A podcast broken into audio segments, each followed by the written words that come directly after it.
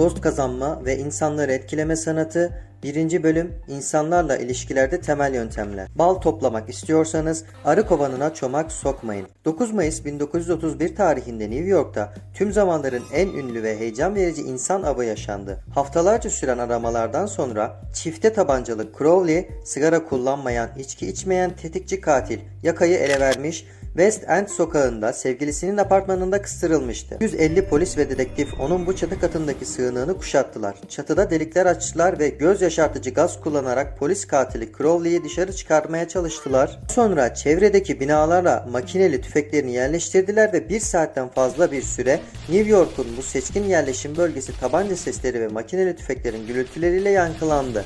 Crowley bir kanepenin arkasına sinmiş polise ateş edip duruyordu. 10 bine yakın insan da heyecanla bu çatışmayı izliyordu. O güne kadar New York kaldırımlarında buna benzer bir olay yaşanmamıştı.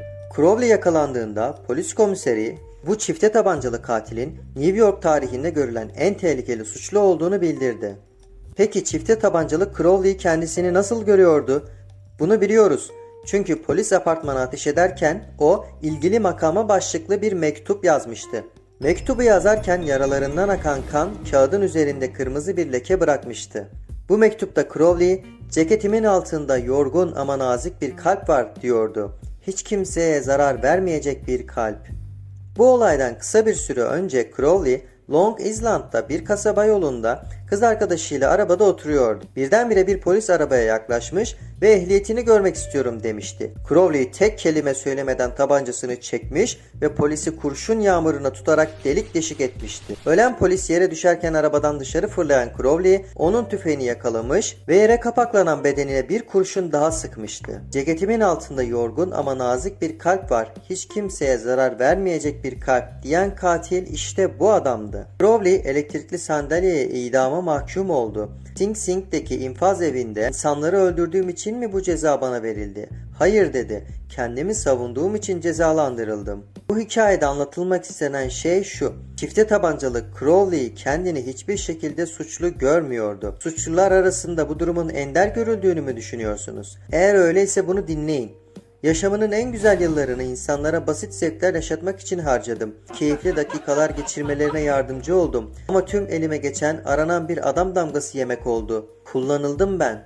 Bunlar Al Capone'ye ait sözler. Capone de kendini suçlu görmüyordu. Üstelik halk tarafından anlaşılmamış, değeri bilinmemiş, iyiliksever bir vatandaş olarak görüyordu kendini. New York'ta bir başka gangsterin kurşunlarına hedef olup ölen Dutch Schultz da aynı şekilde düşünüyordu. Bu ünlü gangster halka yararlı bir insan olduğuna gerçekten inanıyordu. New York'un ünlü Sing Sing hapishanesinin müdürlüğünü yapmış olan Lewis Lavis ile mektuplaşmıştım. Lavis bana Sing Sing'deki suçluların çok azı kötü bir adam olduğunu kabul eder diye yazmıştı. Onlar tıpkı sizin gibi veya benim gibi birer insandırlar. Bu nedenle akıl yürütür, açıklama yaparlar.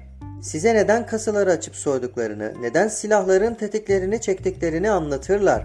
Pek çoğu aykırı veya mantık dışı, topluma ters gelen davranışlarını haklı gösterecek neden bulurlar, inatla asla tutuklanmamaları gerektiğini savunurlar. Eğer Al Capone, çifte tabancalı Crowley, Dutch Schultz ve hapishane duvarları arasındaki umutsuz kadınlar ve erkekler kendilerini hiçbir şekilde suçlamıyorlarsa biz bunu neden yapıyoruz? Kendi ismini taşıyan mağazalar zincirinin kurucusu John Wanamaker bir zamanlar başkalarını azarlamanın aptalca bir davranış olduğunu 30 yıl önce öğrendim. Benim Tanrı'nın neden herkese eşit akıl dağıtmadığını düşünüp dertlenmeyecek kadar çok sorunum var demişti. Wanamaker dersini erken almıştı. Bense bu dünyada bir asrın üçte birini iyi kötü geçirdikten sonra ne kadar hatalı olurlarsa olsunlar, insanların kendilerini hiçbir şekilde eleştirip suçlamadıklarını öğrendim. Eleştiri, karşısındaki kişiyi haklılığını kanıtlamak için kendini savunmak zorunda bırakır. Bu yüzden anlamsızdır. Bir insanın değer verdiği onurunu yaraladığı, onun önemli biri olma duygusunu incittiği için de tehlikelidir. Uluslararası üne sahip olan psikolog Skinner yaptığı deneylerin sonunda iyi davranışları için ödüllendirilen hayvanların kötü davranışları için azarlanan hayvanlardan daha kolay ve daha hızlı öğrendiklerini kanıtlamıştır. Bir başka ünlü psikolog Hans Selye, yaptıklarınızın onaylanmasını arzuladığınız kadar dışlanmaktan da çekiniriz demiştir. Eleştirilen insanda ortaya çıkan gücenme duygusu sadece iş görenlerin, aile bireylerinin ve arkadaşların morallerini bozmakla kalır ve eleştiriye neden olan durumu düzeltmez. Oklahoma'nın Enid kasabasından George Johnston bir inşaat firmasında güvenlik koordinatörü olarak görev yapmaktaydı. Sorumluluklarından biri iş görenlerin şantiye sahasında çalışırken emniyet kasklarını giymelerine dikkat etmekti. Sahada dolaşırken kaskını giymemiş bir işçiye rastladığında onlara uymaları gereken yasa ve yönetmelikleri hatırlatıyordu. Sonuç olarak suratları asılmış işçiler kasklarını takıyorlar ama George arkasını dönüp oradan uzaklaşır uzaklaşmaz yine çıkarıyorlardı. George farklı bir yaklaşım sergilemeye karar verdi. Bir dahaki sefer kaskını giymemiş işçilere rastladığımda kasklarının rahatsız olup olmadığını, başlarına uyup uymadığını sordu. Sonra da yumuşak bir ses tonuyla bu kaskın onları yaralanmalara karşı korumak için yapılmış olduğunu söyleyerek sahada çalışırken bunları giymelerini önerdi.